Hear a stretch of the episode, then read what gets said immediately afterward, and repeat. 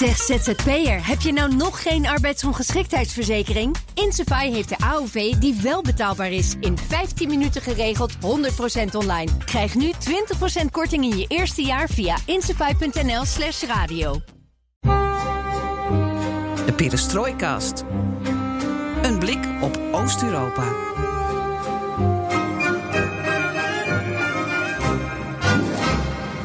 Welkom bij BNR Perestrooikast, de vijftiende aflevering alweer van de enige podcast van Nederland die volledig oog voor het oosten geeft en heeft. En deze aflevering hebben wij weer van alles voor je in petto.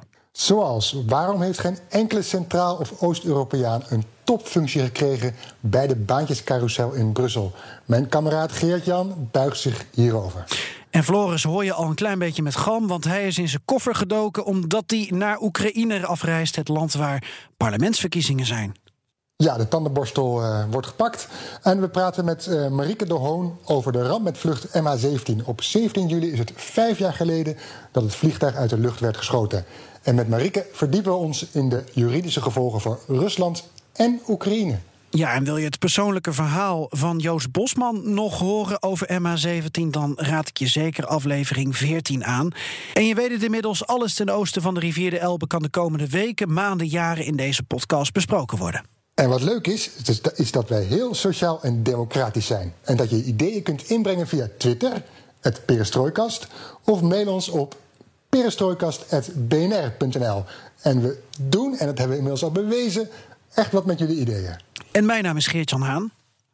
En ik ben Floris Akkerman. En dit is BNR Perestrooikast.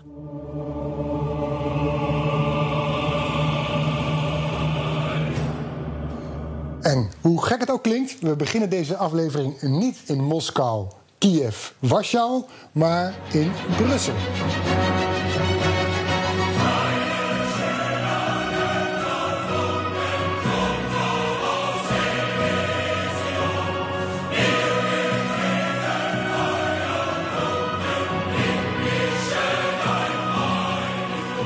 Die Europese verkiezingen, die tombola rond de verdeling voor de, van de posities, posities. En om dat allemaal in balans te brengen, dat was me er in eentje zeg. Ik kon het eigenlijk amper volhouden, terwijl ik het toch redelijk moest volgen. Uh, maar Geert-Jan, even opnieuw dit. Ja. Ben je er nog? Ja. Oké.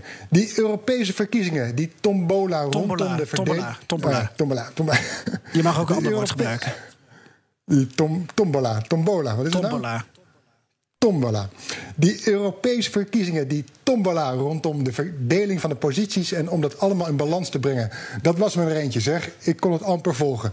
Maar gelukkig hebben we daar Geert-Jan, die gaat het ons allemaal uitleggen. Maar ik heb daar toch een vraag bij. Ja. Waar is die toppositie voor die Centraal- of Oost-Europeaan? Ik snap je vraag, Floris, want er zitten elf Centraal- en Oost-Europese landen in de Europese Unie. Dat hoef ik jou niet uit te leggen. Maar wat mij opviel, en jou dus ook, en ik denk heel veel mensen, is uh, waar is de balans? Want als we kijken naar die poppetjes, dan hebben we een Duitse commissievoorzitter, een Belgische raadsvoorzitter, een Italiaanse parlementsvoorzitter, een Franse voorzitter van de Europese Centrale Bank, een Spaanse buitenlandchef. Maar hadden we, ik praat even als Centraal-Oost-Europeaan, dan echt geen kandidaten te bieden? Zeker wel. Er zijn namen genoemd. Eén iemand was er zelfs heel dichtbij en stond eigenlijk ook al met potlood in alle aankondigingen geschreven. En toch is het niet gebeurd. Wat is er dan wel gebeurd? Wat denk jij? Wat er is gebeurd is dat de Europese leiders echt wel een Oost-Europeaan op zo'n post, uh, op zo'n post wilden, op zo'n toppositie. Uh, Sociaaldemocraten hebben zich daar hard voor gemaakt. Donald Tusk als uittredend EU-voorzitter en Paul, die wilden dat ook. En er waren ook kanshebbers, uh, Sergej Stanishev, Maria Gabriel, Jan Zaradil. Maar wat, waarom hebben zij die functie dan niet gekregen? Nou, er wordt gezegd dat komt door de Visegrad-landen. Dat die hun slag al hadden geslagen met de benoeming van von der Leyen. En dat dit dan de concessie is die ze doen. Hè? Dus dat niet Timmermans of überhaupt een speechkandidaat de voorzitter van de Europese Commissie wordt, -huh. maar iemand anders. Ik denk dat dat niet zo is, Floris. Want. Um, die andere kandidaten, dat heeft allemaal met dat hele spel te maken waarom ze het niet zijn geworden. Jan Zaradil, kan ik kort over zijn, die werd gewoon niet gekozen. dat is de Tsjechische spitsenkandidaat van de eurosceptische groep in het Europees Parlement. Hij wilde voorzitter worden, maar na twee stemrondes koos het parlement voor iemand anders, voor een Italiaan. Italiaanse oud-journalist David Sassoli, sociaaldemocraat. Mm Eigenlijk zou de genomineerde van de Sociaaldemocraten de Bulgaar Sergei Stanishev zijn. En ook hij zou de meeste kans maken. Dus eigenlijk was zijn positie al veilig. Wie is deze man dat hij toch voor elkaar kreeg om deze baan aan zijn neus te zien voorbijgaan? ja, dat zijn eigenlijk twee vragen in één. Ja. Het is de president van de Europese Socialisten al jaren. Het is een Europarlementariër, oud-premier van Bulgarije. Opvallend ook uh, is dat hij geboren is in Gerson in Oekraïne, toen nog de Sovjet-Unie. Zijn moeder was een Sovjet, zijn vader een Bulgaarse communist. En Stanishev bracht ook een groot deel van zijn leven door in Rusland. Werd op zijn dertigste ook pas Bulgaar. Maar ja, dat maakt eigenlijk allemaal niet uit dat ik je dit over hem vertel. Want hij heeft die topfunctie niet gekregen. Omdat hij zichzelf last minute heeft teruggetrokken de nacht voor de verkiezing. Mhm. Waarom, waarom deed hij dat? Nou, daar is een officieel statement van hem over uitgegaan. En ik heb dat even goed doorgespit. En hij zegt. Het is heel cryptisch. hij zegt: Het zou een eer zijn om voor mijn familie zo'n hoge post binnen te halen. Dus een uh, sociaal-democratische familie bedoelt hij. En ook uh, Bulgarije. Maar mijn kandidatuur is verbonden aan de politieke familie, de parlementaire groep van het pakket. En mijn deelname aan deze competitie is als een zegel. Daarom wil ik toch niet genomineerd worden. Ik zal dat even in normaal Nederlands uitleggen. Hij was naar voren geschoven door de regeringsleiders en de staatshoofden. De Sociaaldemocraten uh, leek het ook goed dat hij dan die uh, post namens Oost-Europa zou innemen. Maar vanwege de hele zaak en de rancune rondom Frans Timmermans heeft hij in overleg waarschijnlijk met zijn partij gezegd: Dit is uh, payback time, we doen het niet en zoek maar een andere sociaaldemocraat.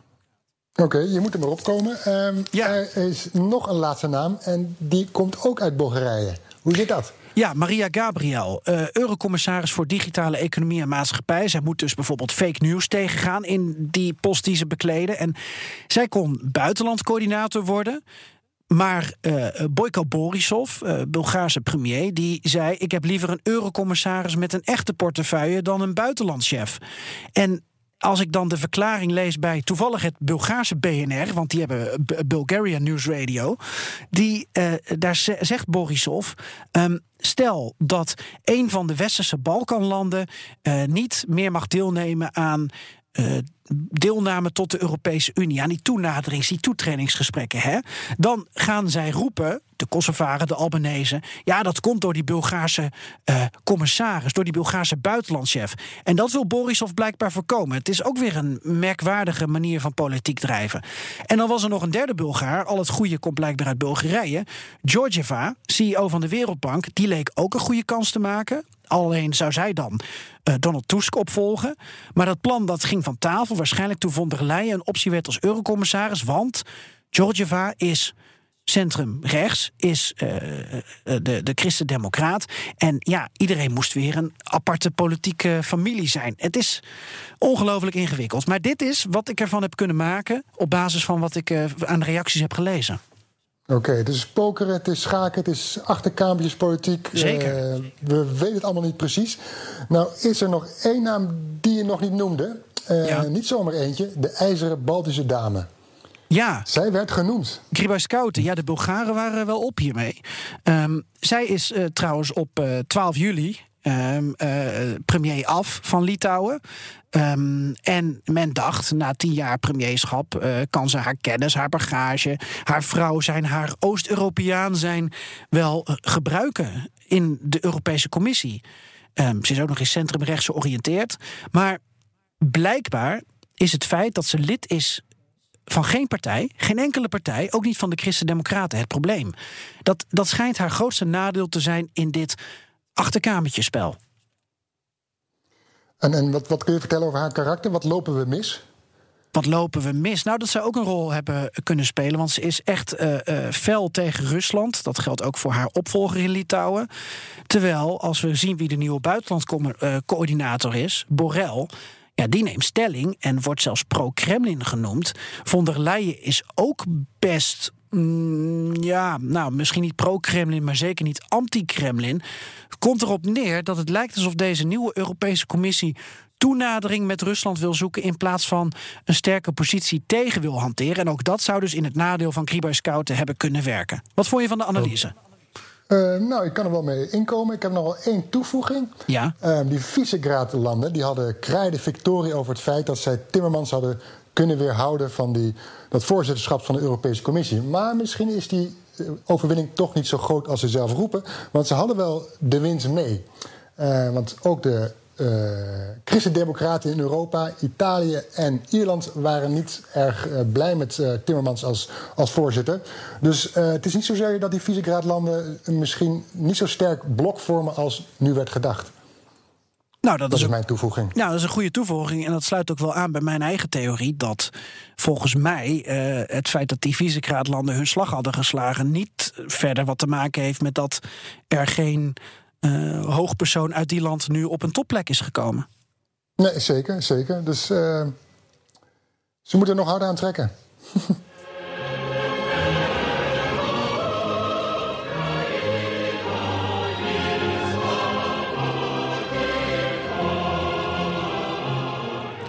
Floris, dat brengt eh, ons eh, bij jou en bij Oekraïne. Want dat volkslied hoorden we, dat hebben we vaak laten horen. Dat kennen we inmiddels. eh. Ja, dat is de grootste hit momenteel in onze perestrooikast. Want jij staat nu met je tandenborstel in de hand ehm, en ik zit in het studiootje in Amsterdam. Ehm, vertel over je reis naar Oekraïne. ja, ik ga pak morgen het vliegtuig richting Kiev. Als mensen dit horen, dan ben je er waarschijnlijk al. Ja, dan ben ik er al. En te de volgen op Twitter. Ook te volgen op Twitter. Eh, de reis richt zich op de parlementsverkiezingen.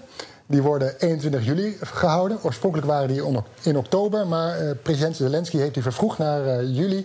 Om zijn partij voet te, krijgen in het parlement. Want nu regeert hij nog zonder partij. Dus hij kan weinig, hij kan weinig potten breken. Ja. Ehm, tweede reden is MA17. Dat is 17 juli, dus vijf jaar geleden. Eh, oorspronkelijk wilde ik naar Donetsk, naar de, naar het rebellengebied, maar die laten me helaas niet toe. Dus heb ik mijn reis verlegd naar Kramatorsk. Eh, Wacht even, om- dat moet je even uitleggen. Waarom word jij Ja, niet ik- in die eh, DNR toegelaten? En ben je ook de enige? Wat heb je gedaan? Ehm, ik weet niet wat ik op mijn kerfstok heb. Misschien, misschien zijn ze niet blij mee, met mij. Ik ben in 2015 ben ik daar geweest. Toen heb ik daar verhalen gemaakt. Toen dat rebellengebied, de, de Volksrepubliek Donetsk, door hen was uitgeroepen. En vervolgens heb ik in november afgelopen jaar nog een poging gedaan om, om weer naar Donetsk te gaan. Je wilt toch kijken als journalist wat daar gaande is. Toen kreeg ik eh, ook nul op het request en ik vroeg in een mail waarom. Daar heb ik nooit antwoord op gekregen. Tweede keer is er nu dus ook een afwijzing eh, vanwege, eh, ja, ik, ik weet niet, ze geven geen reden wat dat betreft op. Ik heb er ook dit keer niet naar gevraagd. Eh, andere journalisten zijn ook geweigerd. Die komen er ook niet in, Nederlandse journalisten die die kant op willen reizen vanwege MH17. Dus ehm, verslaggeving is erg, erg moeilijk daar. Gesloten land à la Noord-Korea. Hoewel dat misschien iets te sterk is, maar eh, je komt er niet zomaar in als journalist. Het is geen land. Nee, neem me niet kwalijk, het is geen land, een gebied. Ja, Goed gecorrigeerd. maar ze doen alsof ze een land zijn en het mandaat hebben om jou en andere journalisten, zoals onze moppetapper Joost Bosman, eh, toegang te ontzeggen. Ja, ja kijk, als je, als je een land zou willen zijn, ja, dan zou je die macht moeten kunnen hebben, ja. Ja, Kramatorsk hoort het dus. Dat is niet ver van de nou, fictieve grens tussen eh, het afgescheiden deel van Oekraïne en het eh, eh, legitieme deel van Oekraïne.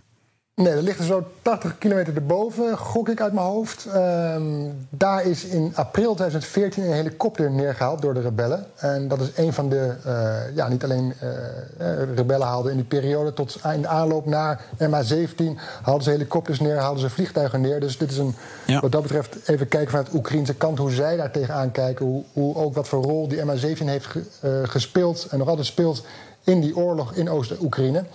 Tweede verhaal dat ik, daar ga maken is ehm, over de erfenis van Janukovic. Wat is er, wat, wat is er over van- zijn partij? Hij had Partij van de Regio's, hij is inmiddels gevlucht natuurlijk. Maar daar zijn allemaal opvolgers aan uit voortgekomen. Het oppositieblok, daar zijn weer afsplitsingen uit ontstaan. Ehm, wat is daar nog over? Hoe pro-Russisch zijn ze nog? Leiders van die, van die partij, platform voor het leven... Die eh, bezocht afgelopen week Moskou, waren op bezoek bij premier Medvedev. Dus eh, daar is ook nog alles van aan de, hand. Vervolgens, na een paar dagen Kramatorsk, over via Kiev naar Lviv. Om daar een verhaal te maken over eh, ja, hun wantrouwen misschien wel tegenover Zelensky, de president. Tijdens de presidentsverkiezingen kleurde heel Oekraïne groen. Op één gebiedje na, het lijkt wel Asterix en Obelix. Uh, dat kleurde rood, de kleur van Poroshenko. En zij zijn niet zo happig op Zelensky. Zelensky die uh, ja, niet vies is van het gebruik van de Russische taal... en ook graag met Rusland wil praten over vrede in Oost-Oekraïne. Ja, ja. Dus jij gaat naar nog... het uh, enige deel dat zich misschien nog wil afscheiden van Kiev. Um, ja, als, als, ze dat zouden willen, dan moeten ze dat vooral proberen. hebben wij weer verhalen te maken. En het tweede verhaal dat ik ga schrijven is over religie natuurlijk. Uh, het schisma tussen de orthodoxe kerk, tussen Rusland en Oekraïne. En daar zijn intern in die Oekraïnse nieuwe orthodoxe kerk ook allemaal strubbelingen aan de gang. Ja. Heb je al een hotel in Kramatorsk? Want ik was daar ook. Ik kan nog eentje aanraden. Ik heb een appartement. Ah. Met airco. En een balkon op de, met uitzicht op de stad. In het centrum. Ga je nog richting Artyomovsk? Uh, was ik niet van plan. Wel nog een ander stadje, iets tien minuten verderop, waar allemaal interne politiek, uh, politieke strubbelingen spelen. Oh ja, oké. Klinkt spannend. We gaan je verhalen dus, ja, volgen. Ik, ik, ik, kan niet wachten. En over twee weken dan uh, ga je ons wat erover vertellen? reken maar. Reken maar. Ik hou alles en iedereen op de hoogte. Oké. En Floris, dat brengt ons bij het gesprek dat we hadden voordat jij met je tandenborstel en je backpack klaar stond. Uh, we zaten uh, voor een opname van deze aflevering in een zaaltje, afgezonderd met ons podcastsetje. En dan konden we in alle rust praten met Marieke de Hoon. En dat deden we over MH17. boven, beloofde premier Rutte daags na de ramp met de MH17 op 17 juli 2014, nu vijf jaar geleden. De daders moesten gevonden en berecht worden en het Joint Investigation Team, dat later werd opgezet, dat vervolgt nu vier mensen vanwege hun betrokkenheid bij het neerhalen van MH17. Hun proces vindt volgend jaar maart plaats. En het is het gevolg van een onderzoek dat vijf jaar duurde, waarin afgetapte telefoongesprekken werden gepubliceerd, reconstructies werden getoond en onderdelen van het wrak MH17 te zien waren. Stap voor stap zochten de onderzoekslanden Nederland, België, Australië, Maleisië en Oekraïne naar de oorzaak en de daders. Een onderzoek waarover nog altijd vragen bestaan. Veel vragen. Bijvoorbeeld ook over de rol van Oekraïne. En we gaan erover praten met Marieke de Hoon, docent internationaal recht aan de Vrije Universiteit Amsterdam. Marieke, heel fijn dat je bij ons wil zijn vandaag. En dat je het een en ander wil ophelderen. Um, het is wel een groot dossier, dus je kan vast niet alles volgen, maar je doet je best om zoveel mogelijk in de gaten te houden. Ja, inderdaad. Het is gigantisch, ook juridisch echt complex. Verschillende rechtsgebieden. Uh, het is natuurlijk heel politiek, geopolitiek. Dus het, uh, ik doe mijn best om uh, het proberen allemaal mijn hersenen over te breken. En om pro proberen het zo toegankelijk mogelijk uit te leggen hier en daar. Ja, want zo nu dan verschijnen er weer berichten in de media nu weer over Oekraïne en Canada, die zich dan ergens bij hebben aangesloten of een stap naar een Europees Hof hebben gezet. En dan denken wij altijd: oh, dat is groot nieuws, want het heeft te maken met MH17. Maar eigenlijk weten we niet precies wat het betekent. Nee, nou hier hebben we het dan over het mensenrechten uh, discours. Dus dan hebben we het over het Europees Hof van de Rechten van de Mens. Daar zijn een aantal nabestaanden die zijn naar, de, naar Straatsburg gegaan. Dus dat Europees Hof van de Rechten van de Mens. Om te klagen uh, over Rusland. Dat die artikel 2, het recht op leven is dat, hebben geschonden. Met hun betrokkenheid bij het neerhalen van MH17 en het nalaten van onderzoek te doen. Um, en vervolgens gaat als dat Europees Hof voor de Rechten van de Mens heeft een aantal staten uitgenodigd om ook daar een verklaring over te geven. Wat vinden jullie daar nou van? Staten waar slachtoffers vandaan komen? Ja, Neem ik aan, want Canada ja. had één slachtoffer aan boord. Ja, en uh, ook Nederland die heeft uh, een paar weken geleden al verklaard dat zij uh, daar ook op in zullen gaan. Dus wat dit nieuwsbericht zegt is, deze landen zullen komen met een juridische, een memorandum noemen we dat dan.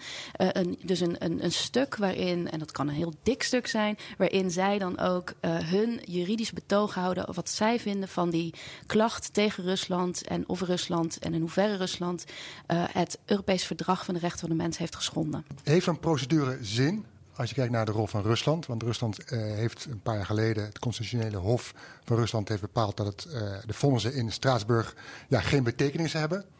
Als deze in strijd zijn met de Russische wet, heeft zo'n procedure, procedures als dit dan wel zin richting de Russen? Nou, dat is een hele goede vraag. Aan de ene kant uh, heeft Rusland inderdaad.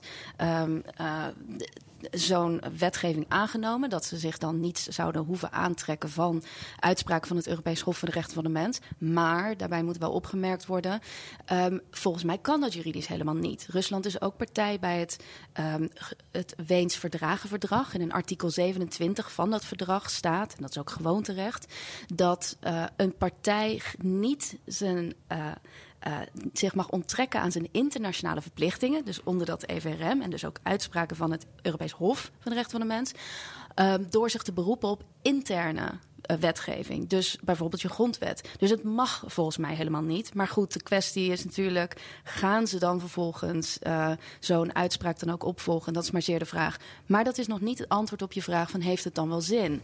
Want uh, ik denk dat het wel degelijk zin heeft. Nabestaanden geven aan dat ze het belangrijk vinden dat de onderste steen boven komt. Dat er erkenning komt. Dat ze weten wat er is gebeurd. Dus juist ook een, een uitspraak van rechters die het bewijs dan ook echt gaan wegen. Uh, die gaan kijken naar welke verplichtingen zijn daar dan uh, geschonden. Een uitspraak zouden doen over wat er geschonden is. Dat is ontzettend waardevol. Uh, of dan de eventueel opgelegde compensatie dan betaald wordt of niet. Ja. Ik denk niet dat die nabestaanden daar enorm mm -hmm. hoge verwachtingen van hebben. Is dat ook de reden dat we de komende 20 minuten met jou zoveel verschillende verdragen en, en, en plaatsnamen die daarbij horen gaan horen? Wenen, Montreal.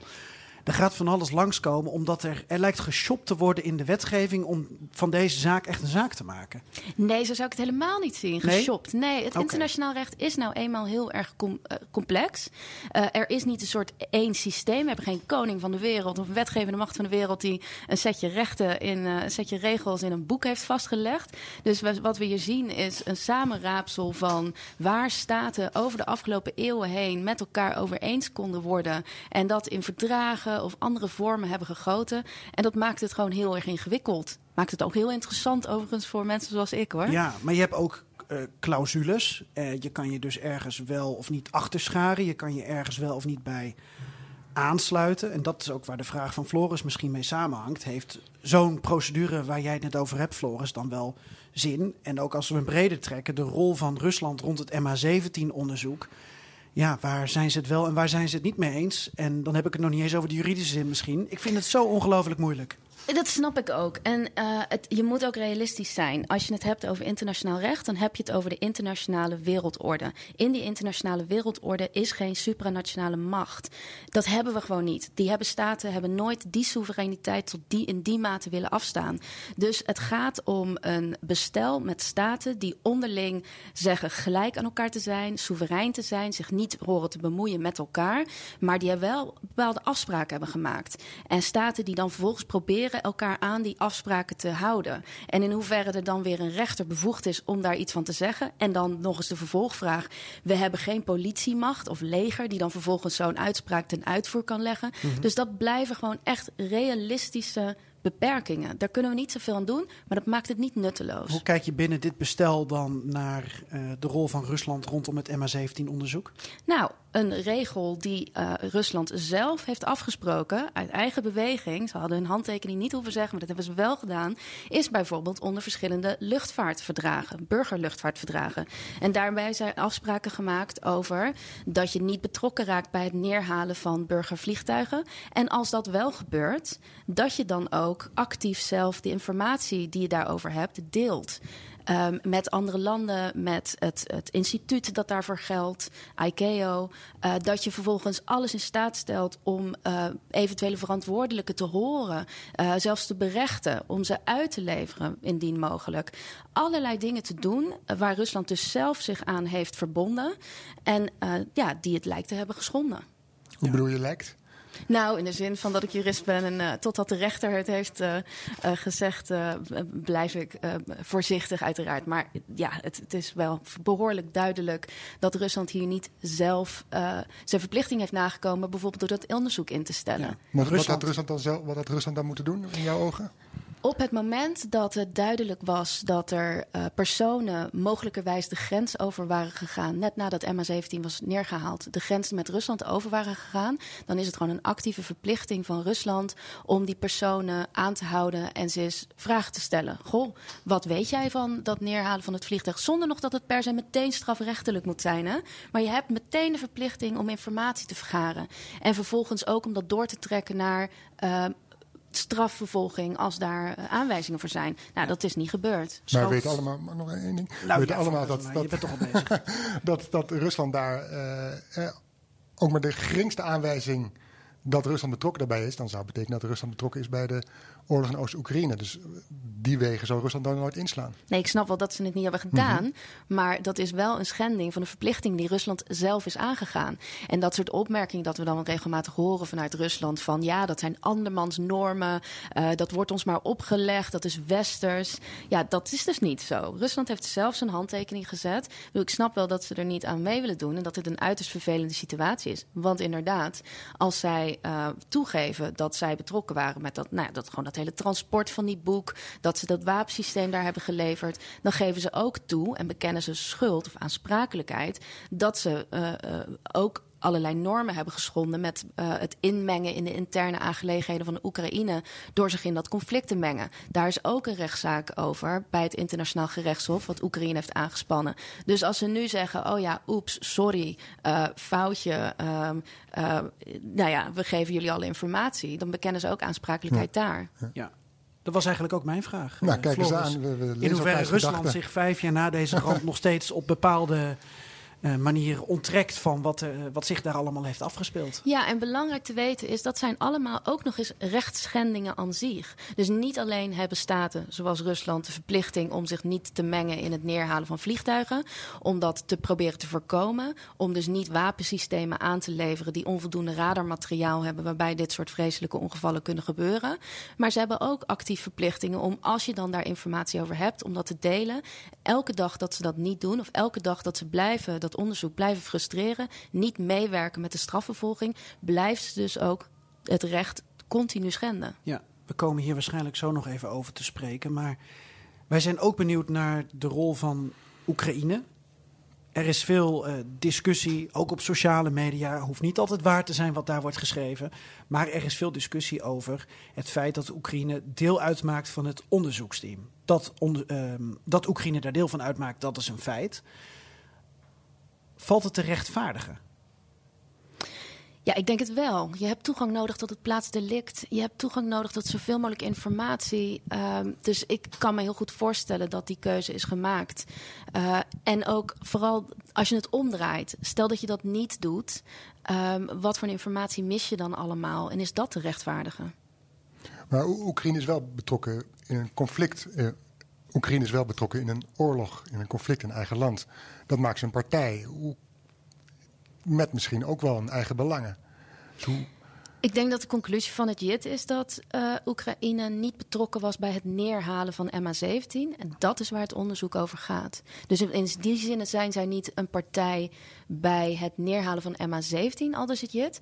Wat natuurlijk wel zo is, en, en daar, uh, wij, daar, daar doel je wellicht ook op, van in hoeverre uh, zijn zij, hebben ze niet een belang bij om uh, te zorgen dat Rusland hier de verantwoordelijkheid voor krijgt. De mm -hmm. Ja, en ik, ik denk twee dingen daarover. Ten eerste, ja, maar als Rusland ook daadwerkelijk daar die verantwoordelijkheid voor heeft, nou, wat is daar dan mis mee? Want dat is dan ook wat er is gebeurd. Het tweede aspect is dat wat is dan de betrouwbaarheid van de informatie die Oekraïne levert?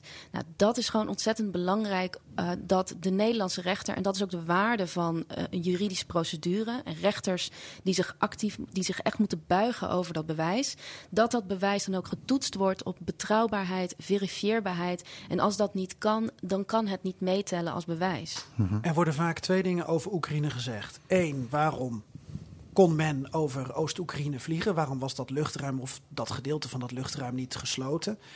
En twee, uh, waarom hebben ze de primaire radardata niet aangeleverd, als ik dat goed uh, benoem zo? Wat kan jij over die twee dingen zeggen? Kan je daar vanuit juridische zin iets over zeggen? Nou, over dat laatste aspect, dus primaire, waarom hebben ze die data niet aangeleverd? I don't know. Uh, ik, ik kan me wel Is dat heel... zo'n ding? Want iedereen maakt daar zo'n ding van.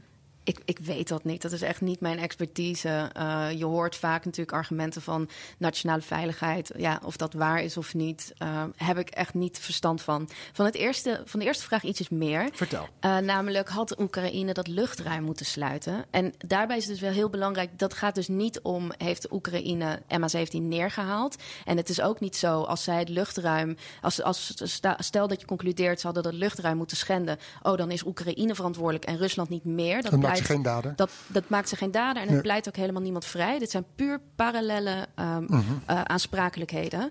Um, nou, Oekraïne had behoorlijk wat informatie, net als iedereen die de krant las, dat er uh, behoorlijk wat gevaar was in dat luchtruim. En de vraag, de juridische vraag is.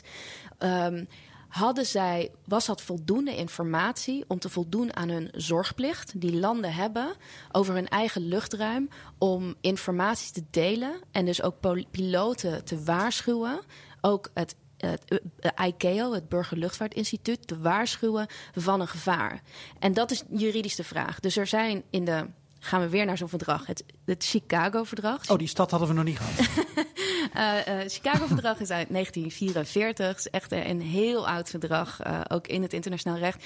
Waarin, waarin staten allerlei afspraken hebben gemaakt over de burgerluchtvaart. over vliegroutes en allerlei veiligheidsdingen. Nou, daar staat bijvoorbeeld dat staten verplichtingen hebben over de veiligheid in een luchtruim. En om dat dus ook actief te delen, die informatie. Maar niet alleen dat, ze hebben ook de verplichting om te zorgen dat hun um, nationale apparaat dat dat werkt. Dus dat er gewoon voldoende instellingen zijn, procedures, waardoor er heel snel gevaren kunnen worden gedetecteerd en dat heel snel kan worden gedeeld.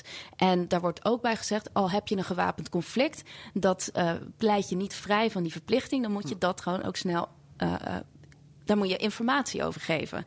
Nou, dus de vraag die hierbij speelt is: um, heeft Oekraïne dat gedaan? Nou, ja, ik denk van niet. Ik bedoel, als ik kijk naar wat er toen de tijd is, wat, wat wij allemaal uit de krant al konden lezen, met bijvoorbeeld die Antonov die werd neergeschoten, dan lijkt mij dat uh, het al duidelijk genoeg was uh, dat er niet veilig was daar. Dus dan denk ik dat Oekraïne dat ook actief had moeten delen. Laat staan wat zij allemaal zelf nog meer wisten. En hoe werkt dat dan in juridische zin, want het maakt van Oekraïne geen dader.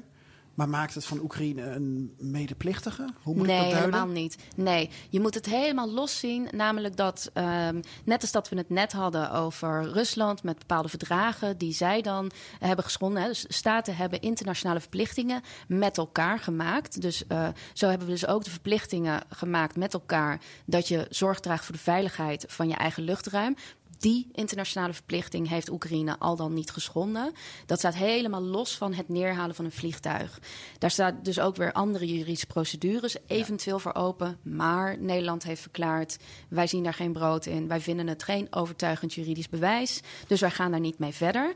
Echter, een aantal uh, nabestaanden die zijn wel weer naar dat Europees Hof van de Rechten van de Mens gegaan in ja. Straatsburg. Om uh, Oekraïne hierop aan te klagen. Daarom en die vraag zaak, ik er ook naar. Ja, die zaak hangt.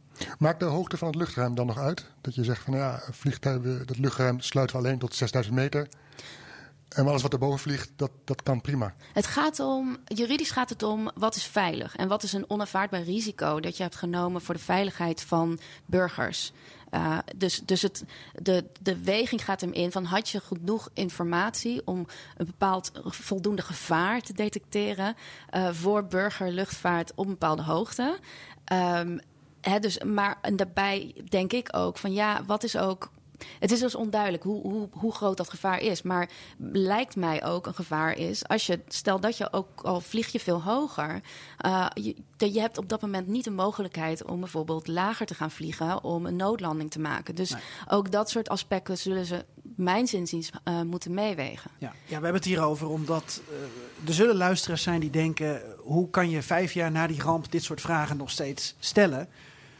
Maar dat heeft natuurlijk te maken met ook de verschillende juridische processen. Alles moet tot in detail worden uitgedacht. Er is nog onduidelijkheid over informatie. Nou, dat is een hele terechte vraag. Want uh, Diet heeft zich heel erg gestort. En dat is ook een mandaat op uh, wie is er betrokken bij het neerhalen van MH17. Maar er is niet een soortgelijk onderzoek ingesteld naar uh, deze verantwoordelijkheid. dat had natuurlijk Oekraïne zelf moeten doen. ik weet niet helemaal in hoeverre ze dat hebben gedaan en gedeeld hebben. maar Nederland heeft er geloof ik niet heel erg op gehamerd dat dat een enorm groot, in ieder geval zichtbaar onderzoek moet zijn. Ja. En dat is relevant niet zozeer om heeft Oekraïne het nou verkeerd gedaan. Ik bedoel, dat is ook relevant. Maar mijn zin is vooral relevant omdat we in een wereld leven waar steeds meer raketten de lucht in gaan. Ja. En steeds meer We vliegtuigen. vliegen nu weer over de straat van Hormuz, waar dan discussie over is, geloof ik. Ja, en elke staat waar gevaar is in eh, eigen luchtruim, die zal denken: oeps, ik heb niet zo'n zin om dat aan iedereen te gaan vertellen dat ik geen controle heb over mijn luchtruim. En ook eh informatie. Maar andere landen die informatie hebben over het gevaar van het luchtruim van een andere staat, die zullen denken: ja, als ik dat ga delen, dan laat ik iedereen zien dat ik intelligence aan het vergaderen ben daar, en vergaren ben daar en hoe ik dat doe. Eh, dus er zijn allerlei praktische redenen waarom het gevaar. eh, denk ik, vrij hoog nog steeds zou kunnen zijn. Eh, wat misschien wel behulpzaam zou zijn geweest om dat eens voor een rechter te brengen. Moet dat onderzoek alsnog komen naar het luchtruim? Nou, ik denk dat het wel heel goed is. Ook, Nederland heeft ook het bevorderen van de internationale rechtsorde in zijn grondwet staan. Eh, dus ik zou ook zeggen van ja, juist Nederland kan. Dus ik zou, ik zou de, de aandacht misschien niet te hard op Oekraïne. Of misschien wel hoor, maar dat is niet aan mij. Het hoeft niet te zijn dat de aandacht heel erg is op Oekraïne heeft het toen verkeerd gedaan met MH17. Maar de, de focus kan ook liggen van goh, we constateren dat in die periode, dus in eh, 2014 en nog steeds, vijf jaar later, staten eh, het niet nauw genoeg nemen, wellicht met de veiligheid van een luchtruim. Laten we nou eens daar een juridische opinie over vragen en vervolgens echt met elkaar serieus afspraken maken om dat te verbeteren. Ja, ik snap de vragen wel. En dat is ook eigenlijk eh, de insteek een beetje van ons gesprek. We weten een boel over de situatie rondom Rusland. Welke wetten zij zich wel of niet achter scharen, al die clausules. Eh, maar er, er lijkt nog een boel ruis op de lijn te zitten rondom Oekraïne en dat luchtruim. En nogmaals, het maakt ze geen dader. Maar je wil dit ook in de toekomst voorkomen. Daarom is het denk ik belangrijk dat er meer wordt opgehelderd. En in dat kader hadden we toch ook nog een vraag over de rol van de Oekraïnse geheime dienst. Die eh, informatie aanlevert aan het JIT. Eh, Oekraïne is in meerdere opzichten een partij in deze situatie. Is dat eh, überhaupt normaal dat eh, van zo'n partij, van zo'n geheime dienst dan de informatie komt? Want daar zit dus nu ook een getuige bij.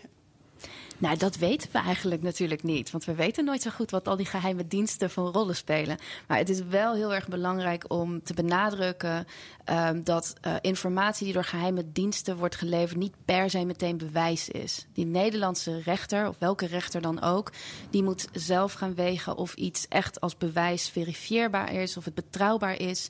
Heel veel van dit soort informatie kan ook dienen om eh, het OM op een bepaald spoor te zetten, waar ze dan alsnog eh, betrouwbaar bewijs over moeten verzamelen zelf. Maar dat kan wel behulpzaam zijn om ze een beetje een goede richting uit te duwen. Ja. Hoe doe je dat verifieerbaar voor zo'n rechter? Dat lijkt me ontzettend moeilijk.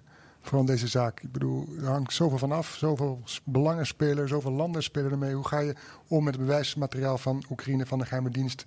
Aan wie leg je dat dan voor om te kijken nou, bewijs klopt? moet of- wel inzichtelijk zijn, eh, tot op zekere hoogte. Er zijn allemaal ingewikkelde regels van wanneer wel, wanneer niet. Maar uitgangspunt is dat een eerlijk proces eh, gebaseerd is op bewijs dat een persoon niet kan worden veroordeeld, tenzij dat bewijs ook duidelijk is voor de verdachte, eh, die daar ook op in kan gaan. Dus er zijn gewoon regels in dat Nederlands strafrecht, waardoor er niet op een soort van, oh, wij weten achter de schermen wat er is gebeurd en we gaan jou niet vertellen wat, maar je wordt wel veroordeeld.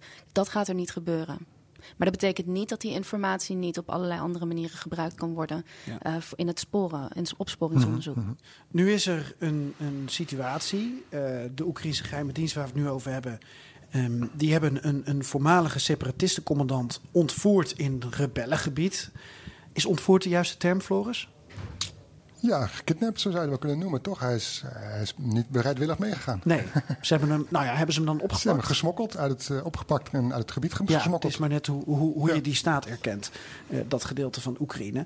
Maar het komt erop neer, deze eh, Vladimir Tsemak, die stond in 2014 aan het hoofd van een luchtverdedigingseenheid in het plaatsje Snezhnoye, vlakbij de plek waar ehm, vlucht MH17 werd neergeschoten. Mogelijk kan deze man meer vertellen over de vliegramp. Ehm, er wordt al gezegd, het is een getuige, het is een kroongetuige. Wat kan het JIT in juridische zin nou met eh, deze man? Nou, misschien is het wel een verdachte. Ehm, maar dat, dat, dat is heel lastig om te weten. Kijk, ze kunnen sowieso, als de persoon wil meewerken, als die informatie geeft, dan zou deze persoon heel veel kunnen vertellen over de, uh, de bevelstructuur, eh, wie daar precies uh, ook de facto, dus feitelijk, um, invloed had op en wie luisterde naar wie, welke informatie er was, um, dat soort aspecten, welke opdrachten er werden gegeven. Dus het kan ontzettend veel informatie gaan geven. Het kan heel interessant zijn. Het kan, maar we weten het niet. Nee.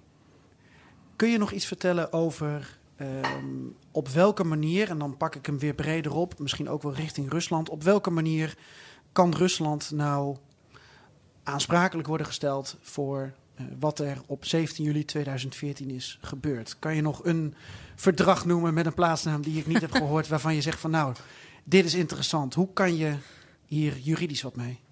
Ik zit hard te graven naar plaatsnamen. Maar uh, nee, Rusland, uh, voor de, dus dan hebben we het over de staatsaansprakelijkheid. Dus dan hebben we het dus niet meer over de uh, strafrechtelijke vervolgbaarheid van verdachten, maar echt om Rusland als staat. Nou, daar hebben we het dan over dat Rusland verplichtingen heeft um, onder burgerluchtvaartverdragen. Maar ook bijvoorbeeld onder een heleboel andere verdragen hoor. Maar bijvoorbeeld ook het, um, het internationaal verdrag voor de onderdrukking en het financieren van terrorisme. Althans, tegen financieren van terrorisme. Okay. Nou, daar staat dan bijvoorbeeld in dat verdrag een mogelijkheid om, als je een geschil hebt over uh, dat verdrag, dat dan een weg naar het internationaal gerechtshof eventueel mogelijk is. Na allerlei hoepels die het door moet. Bijvoorbeeld het echt onderhandelen, genuine negotiations. Nou, dat zijn, ze, dat zijn partijen nu aan het doen. Dat is waarom Nederland en Australië Rusland vorig jaar hebben uitgenodigd om in onderhandeling te treden. Want dan Mhm. kun je voldoen aan dat vereiste. Nou, uiteindelijk is dat mogelijk dat je dan bij het internationaal gerechtshof terechtkomt. Maar dan hoor ik je al denken, en ik zie je denken, terrorisme. Hebben we het hier dan over terrorisme? Nou, nee, niet per se. Maar wat er in dat verdrag staat, is dat. Um, onder de rijkwijde van dat begrip terrorisme voor dat specifieke verdrag Ja. staat een verwijzing naar onder andere het Montreal-verdrag, wat een burgerluchtvaartverdrag Ja. is. En daarin staat opgenomen dat je niet als staat betrokken mag zijn bij het neerhalen van een burgervliegtuig, dus MH17. In geen enkele wijze. Dat je ook alles moet doen om dat te voorkomen. Dat je ook alles moet doen om informatie daarover die je mogelijkerwijs hebt, om dat te delen. Dat je alles moet doen om personen die eventueel uh, uh, daaraan betrokken bij zijn, om die te vervolgen. En als je het niet kan vervolgen, moet je ze uitleveren. En andersom dus ook. Als je niet kan uitleveren, want Rusland heeft bijvoorbeeld een grondwetartikel waarop ze dus onderdanen, Russische onderdanen niet mogen uitleveren. Dus ook niet personen die misschien wel Oekraïens waren op het moment, maar inmiddels misschien in Rusland een Russisch paspoort hebben gekregen. Ja. Maar als je dus niet kan uitleveren, dan moet je zelf vervolgen. Dus dat zijn een beetje de aspecten van als je dat dus allemaal niet doet, dan zijn dat allemaal stuk voor stuk schendingen volgens dat volkenrecht. Mhm. Als we het dan weer over Straatsburg hebben en over dat Europees Hof van de, van de Rechten van de Mens, dus waar individuen Rusland kunnen aanspreken als staat, dan hebben we het over het Europees Verdrag van de Rechten van de Mens. En dat zijn eigenlijk precies dezelfde soort verantwoordelijkheden. Dan vallen ze allemaal onder artikel 2 van het Europees Verdrag van de Rechten van de Mens, wat recht op leven is. Mhm. Maar eigenlijk gaat het allemaal weer dezelfde dingen. Je mag niet betrokken zijn bij het neerhalen van een vliegtuig. Je moet het voorkomen. Je moet informatie delen. Ja, maar je hebt dus dat landen zoals Rusland, maar ook Amerika doet dat zich regelmatig eraan onttrekken. Dat ze zeggen, we, we hebben een clausule dus hè, en we doen hier niet aan mee. Ja, dus dat gaat dan in die verdragen staan. Uh, want het internationaal gerechtshof, dat is dan eigenlijk de aangewezen rechter om daar naartoe te gaan. Daar kan een staat een andere staat voor dagen. Maar dat kan alleen maar als beide staten daar instemming in verlenen. Nou, dat gaat Rusland natuurlijk niet doen. Nee. Dus dan zit je met een probleem, einde zaak. Maar zegt Nederland. Heeft ook Oekraïne bijvoorbeeld nu gezegd. Want Oekraïne heeft nu ook een zaak lopen tegen Rusland bij dat internationaal gerechtshof. Die gaan op zoek naar verdragen. Uh, waarin zo'n clausule staat, dat, dat staat, als wij het nou een geschil hebben over dit verdrag, dan brengen we die zaak naar het internationaal gerechtshof. Dus op dat moment wordt op zo'n moment bij het ratificeren van het verdrag al instemming verleend voor zo'n route naar het internationaal gerechtshof. Dus wat partijen waarschijnlijk, wat waarschijnlijk Nederland en Australië aan het doen zijn, dat hebben ze natuurlijk al lang gedaan, is kijken naar alle verdragen die er met Rusland zijn. Ja. Om te kijken in welke verdragen zit nou zo'n clausule. En vervolgens heeft Rusland daar geen voorbehoud bij gemaakt? Want dat doet Rusland vaak. Dat Ja. doet Amerika overigens ook heel vaak. Ja, daarom. En dan kom je er alsnog niet. Maar bijvoorbeeld dat eh, verdrag over het financieren van terrorisme. Daar zit zo'n clausule in. Ja. Heeft Rusland geen voorbehoud bij gemaakt. Dus wellicht geeft dat de route Ja. Naar Den Haag. Het Vredespaleis in Den Haag. Nou, dan komen we uit bij ehm, de laatste vraag. We hebben een boel prangende vragen en eh, we, we gaan dit vast nog een keer bespreken. Bijvoorbeeld rond volgend jaar. als Zeker, die zeker. rechtszaak Uitnodiging staat nu gaat uit. lopen. Ehm, Ja, maar- ik ben erbij, Floris. Was het naar mij die uitnodiging? Ja, ja, jullie zijn altijd welkom. Ik presenteer wel Gezellig. dan. Nou, doe jij even de slotvraag. De slotvraag: hebben we het ultieme be- bewijs al gevonden in de MH17-zaak? Dat weet ik niet. Het eh, OM, het JIT, hebben denk ik heel erg veel informatie. Ehm, maar ze laten dat nog niet zien. Ze Ook wachten. niet aan jou? Nee, zeker niet aan mij. Nee, ik ben, ik ik ben niet. een burger. Ik ben gewoon iemand die aan een universiteit eh, probeert onderzoek te doen en, eh, en de boel een beetje probeert te duiden. Nee, ik weet helemaal niks aan inside information. Maar wat we wel kunnen zien is. ehm, glimmende ogen bij het OM. Ze staan er met zelfvertrouwen. Ehm, ze hebben nu vier verdachten aangemerkt. Ze gaan ervoor. Ehm, en ik denk dat zij ontzettend veel informatie hebben. Ze zeggen daarbij: we gaan dat nu nog niet delen, want we wachten daarop in de rechtszaal. Dat is het moment om dat eh, te delen. Dan gaat het OM het bewijs presenteren. Voor die tijd krijgt natuurlijk de verdachte wel inzage in dat bewijs, zodat ze de verdediging Ja. kunnen opbouwen, eh, voorbereiden, als ze dat willen, als ze komen of als ze een advocaat sturen, wat kan. En vervolgens gaat de rechter gaat al dat bewijs eh, wegen en een uitspraak doen. Dan gaan we volgend jaar zien hoe dat loopt. Wordt vervolgd. Benieuwd of er tot die tijd, eh, of alle, hoe zeg je dat, alles gesloten blijft. Misschien komt er wel weer wat naar buiten. Wordt dat zou zomaar kunnen. Eh, wie weet. En eh, wat we ook niet hoeven uit te sluiten, is dat er misschien in de tussentijd nog wel meer verdachten worden aangemerkt. We hebben het nu, we hebben het nu eh, over de vier verdachten die betrokken zijn bij het transport van de boek. Eh, maar er wordt ook gerechercheerd op mensen die daar nog verder in hoog in de boom zitten als adviseurs van Poetin. Er zijn natuurlijk de personen die betrokken waren bij het lanceren en het bevel daarvan, van die boek. En laten we ook niet vergeten personen die betrokken waren bij het weg, proberen weg te maken van het bewijs. En het, het wegtransporteren van die boek. Wat een aparte eh, strafzaak kan zijn, namelijk op dat je het bewijs niet mag vernietigen. Oh, ook nog. Ook nog. Maar er is dus ook een verschil tussen hoe. Nee, nou, niet, niet op- een nieuwe vraag stellen. Oh, want dit- sorry. dit- dit Die is hou ik veel dan voor in, eh, in maart? In Ja, februari? moeten we in maart doen. Ja, er is veel te veel. Dit is, want dan krijg je weer een plaatsnaam met een verdrag. En dat wordt Is gewoon goed. eh, te lastig. Marieke, dank je wel. En Neem me kwalijk. veel succes met het blijven duiden van Graag deze gedaan. zaak. Doen wij, doen wij vrolijk aan mee. Goed ingegrepen, jongen. Ja, dankjewel.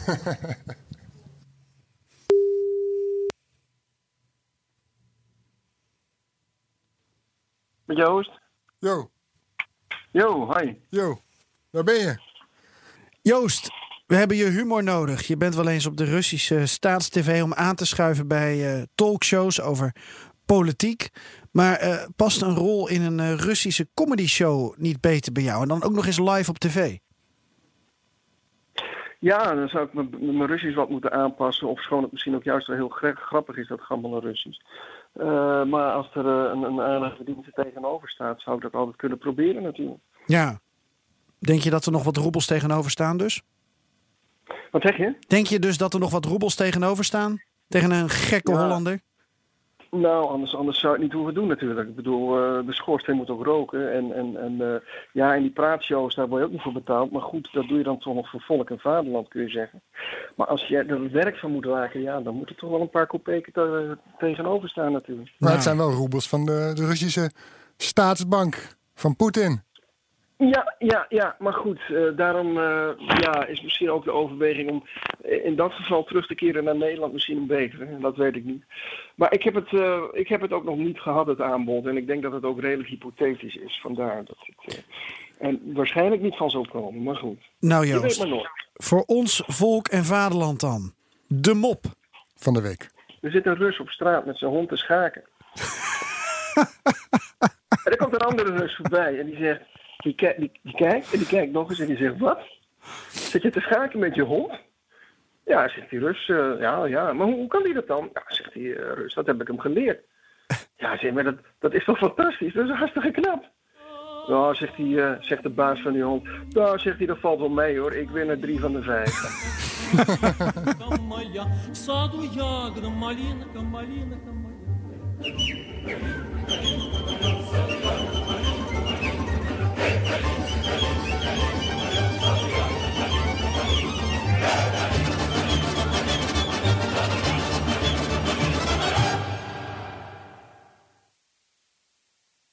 Zeg ZZP'er, heb je nou nog geen arbeidsongeschiktheidsverzekering? Insafai heeft de AOV die wel betaalbaar is. In 15 minuten geregeld, 100% online. Krijg nu 20% korting in je eerste jaar via insafai.nl slash radio.